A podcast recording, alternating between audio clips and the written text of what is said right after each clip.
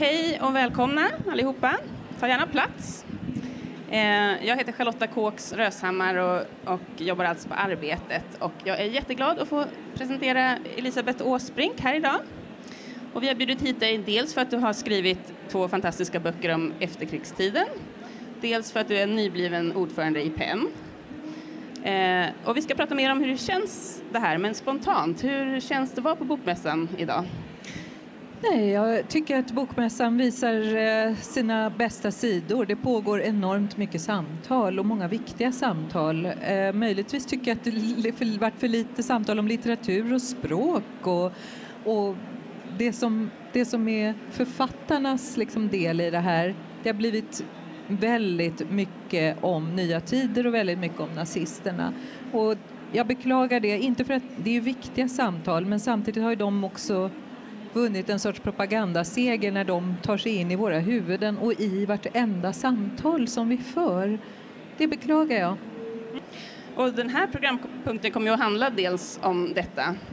Ja. Eh, eh, och vi kommer också visa en film här efteråt med författarna som inte kommer, så stanna kvar efter vårt lilla korta samtal här med Elisabeth så får ni höra deras berättelse också, de som vi hade velat ha här. För det har ju varit lite så när vi ska boka författare att det är många som säger nej, jag vill faktiskt inte vara här. Och det tycker vi att vi vill visa också på något sätt att det blir ett bortfall här i våran monter. Ja, det är bra.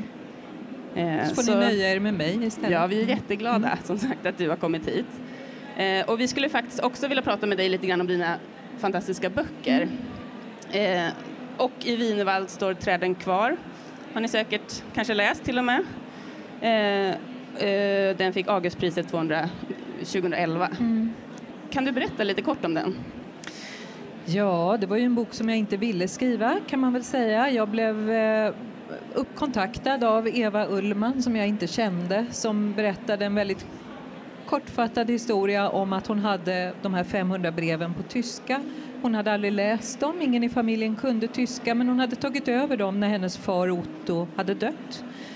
Och eh, hon misstänkte att de innehöll någonting men visste ju inte riktigt vad.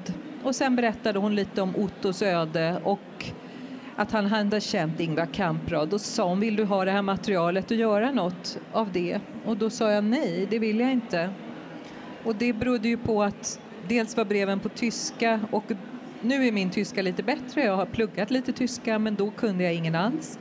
Och dels visste jag ju att om jag skulle göra något om det så skulle det handla om, om folkmordet på, på Europas judar och, och det har jag själv i min familj. Det är inget som man ropar äntligen till. Det, det, jag ville inte gå dit. Det var någonting som du i ungdomen ville dölja eller ville liksom ja, inte... alltså själva, inte själva folkmordet ville jag inte dölja men jag ville dölja min identitet. Jag ville vara... Jag ville inte ha den här svarta sörjan i mig. Den, den är ju förfärlig. Så nej, det ville mm. inte jag hålla på med. Men, men, till slut kunde jag inte låta bli. Jag var liksom tvungen. Och, eh, och då upptäckte jag att det gick. Det, jag kunde ju få bruk av min, mina erfarenheter när jag kunde skriva om den här andra familjen. Mm. Och då blev det en berättelse om flyktingpojken Otto som med tiden blev dräng hos Ingvar Kamprad. Ja. Och Kamprad var ju också en anhängare av Per Engdahl, den svenska nazismens... Eh, ja, han var framförallt eh, Mussolini-anhängare och, och idé, idén om korporativism. Men han var också eh, starkt influerad av nazism och djupt antisemitisk. Och, hade, och han var förintelseförnekare till sin död. Så de här gränserna just när det gäller Per Engdahl är inte helt kristallklara. Nej, men han, han ledde då fram kan man säga till din bok 1947 som kom förra året. Ja. Du hade tänkt göra en bok om honom först. Ja, för att när jag var ute och pratade om den här boken och i Wienerwald så träden kvar så blir ju Per Engdahl en del av det samtalet och då märkte jag att det var inte så många som visste vem han var eller vad han hade gjort så jag bestämde mig för att skriva en biografi om honom. Det finns nämligen bara en sån och den har han skrivit själv. Så det kändes som att det behövdes. Och eh, när man ska skriva en biografi över någon så behöver man ingångar i liksom, en persons liv. Och då hade jag hittat en sån i en bok av Stig Larsson Ni vet, innan han skrev om Micke Blomqvist och Lisbeth Salander och allt det här så skrev han om högerextremism. Och i en av de här böckerna så finns det ett stycke och där står det så här. 1947 så reser Per Engdahl till Köpenhamn för att starta ett danskt nazistparti. Och det är en helt häpnadsväckande att två år efter krigets slut åka till Danmark av alla länder och starta ett nazistparti. Men Stig Larsson, som ju var en mycket noggrann journalist, hade inte angivit någon källa, så jag visste inte hur visste han detta. Så jag försökte få rätt på det. Jag letade i Danmark, jag letade i Sverige i olika arkiv, hittade ingenting. Så till slut så sa jag, jag sätter mig innan jag ger upp. Jag är lite dålig på att ge upp. Eh, så läser jag två tidningar från 1947, för Per Engdahl var ändå en offentlig person. Det kan ha stått något i tidningen helt enkelt. Så då tog jag två tidningar och läste från dag 1 till dag 365. Man kan bläddra förbi rätt mycket annonser och sånt, men det var då jag såg det här året. 1947. 1947, ja. Som ju var väldigt, väldigt spännande och intressant och som ingen människa hade upptäckt, vilket jag är väldigt glad för. Mm. För där, då fick vi termen folkmord. Vi fick, eh... Ja, eh, det, det händer väldigt mycket det året som vi fortfarande präglas av, på gott och ont. Mänskliga rättigheter formuleras, FNs deklaration om mänskliga rättigheter. Eh, individer får ett större skydd, bland annat genom det. Minoriteter får ett större skydd efter kriget, bland annat genom folkmordskonventionen och begreppet, det här brottet som uppfinns så att säga för att kriget och något som kriget aldrig skulle hända igen. Eh, Simone de Beauvoir börjar skriva Det andra könet så vår tids feministiska idéarbete tar form där.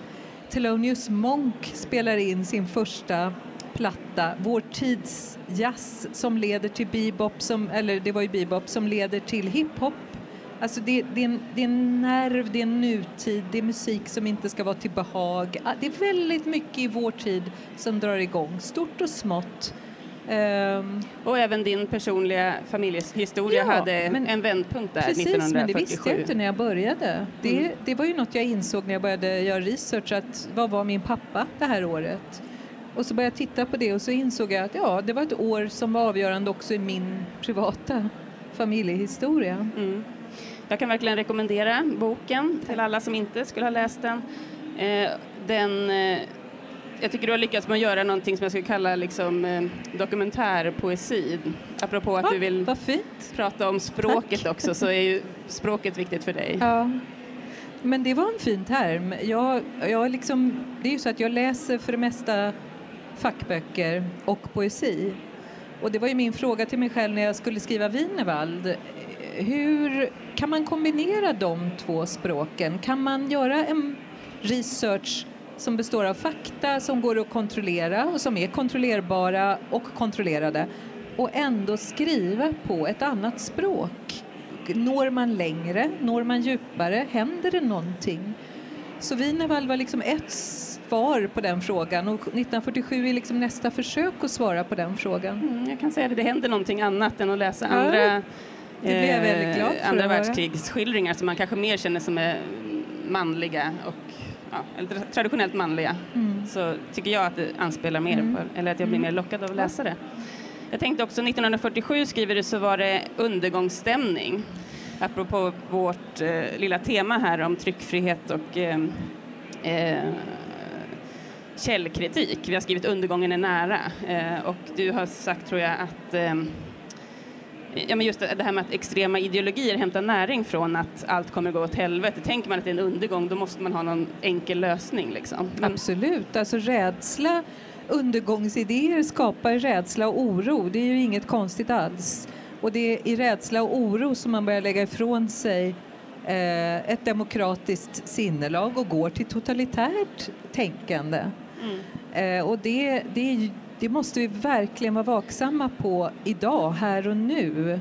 Jag, eh, till exempel, rop på att förbjuda nazist, eh, Nordiska motståndsrörelsen, det tror jag är, är, det är i grunden ett totalitärt tänkande. Om vi börjar resonera utifrån att de åsikter vi hatar ska vi förbjuda eller förbjudas från att manifesteras i det offentliga rummet. Vi ska möta detta på andra sätt, inte genom ett totalitärt tänkande. Och då har vi närmat oss frågan om bokmässan, bojkotten, eh, Nya Tiders närvaro och så. Och du har skilt på att göra det här uppropet som du var med på från början ja. och sen då frågan om att närvara. För uppropet var det tänkt att man måste protestera mot det här och sen Alltså, ja, det var så att efter förra bokmässan så blev jag ju kontaktad om ett bojkottsupprop och, eh, som handlar om att vi vill inte vara här om Nya Tider eller om högerextremister är här. Och då reagerade jag med en sorts stark magkänsla och tänkte nej, jag vill inte vara där högerextremister är.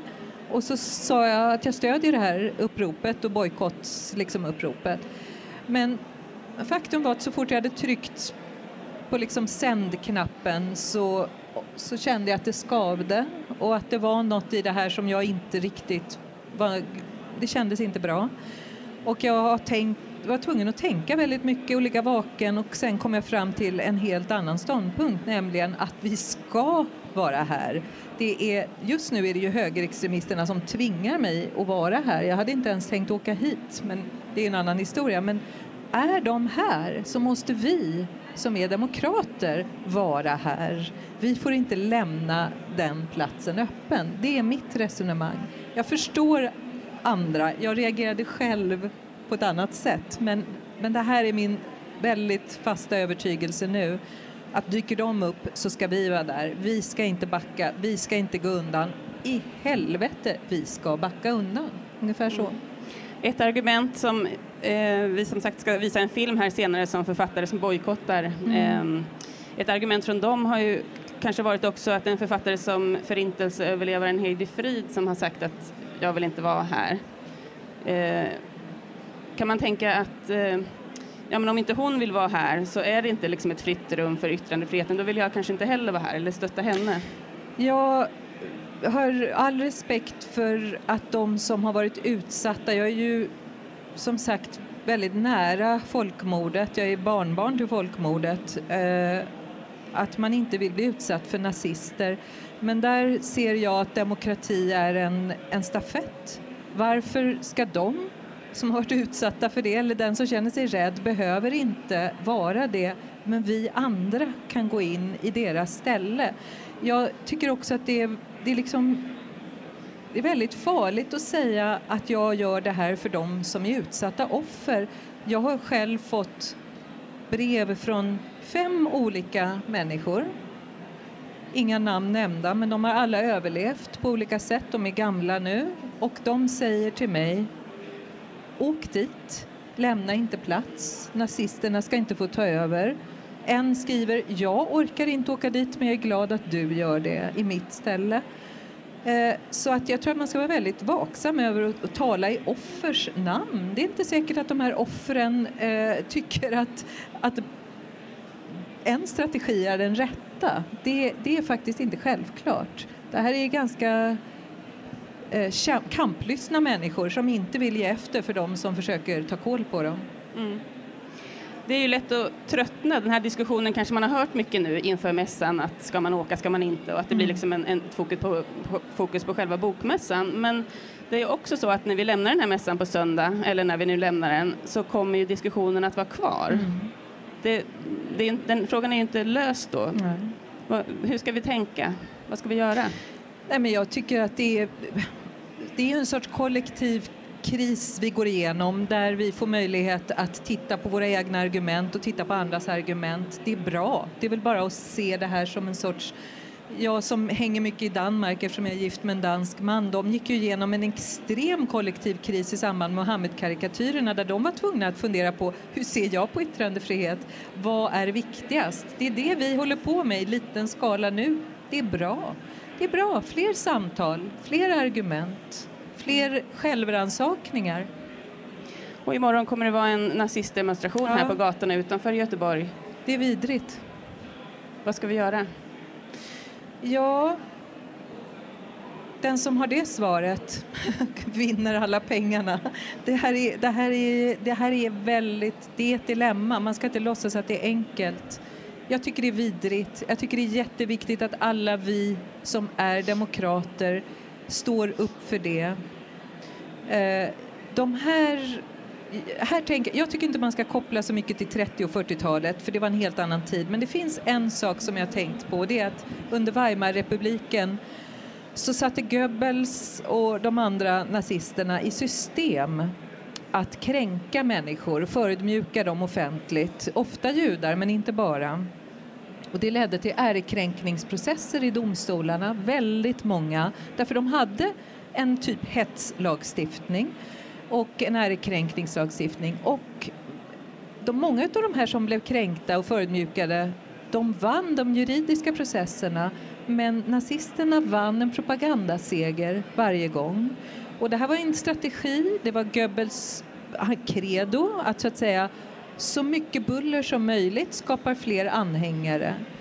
Eh, det kan vi ju se, Nya Tider har på ett år ökat sin prenumerationsbas. Jag tror att vi ska försöka vara kalla. Det är inte så att vi ska tysta, vi ska inte vara blinda, vi ska inte stänga, men vi ska ha lite is i magen, inte göra dem större än vad de är, inte göra dem farligare än vad de är, utan så att säga behålla en sorts demokratisk kyla, för de vill rubba oss. Och det gör de för att de vinner på det och vi ska inte låta det ske. Det är mitt enda svar. Och vad ska mässan göra till nästa år? Mässan kan vara fri och tacka nej. Alltså vill de inte ha utställare här som har storlek 38 i skor så kan de säga nej till det. Det finns ingen som helst anledning eh, att inte säga nej till utställare man inte vill ha. Så det där förstår inte jag riktigt. Eh, men nu är nya tider här i år och vi ska bara inte låta dem störa oss. Eh, punkt slut. Tack så mycket, Elisabeth Tack Åsbring. Och stanna gärna kvar här för vi ska sätta på en film med författarna som inte ville eh, delta, som kom till en annan slutsats. Tack så mycket.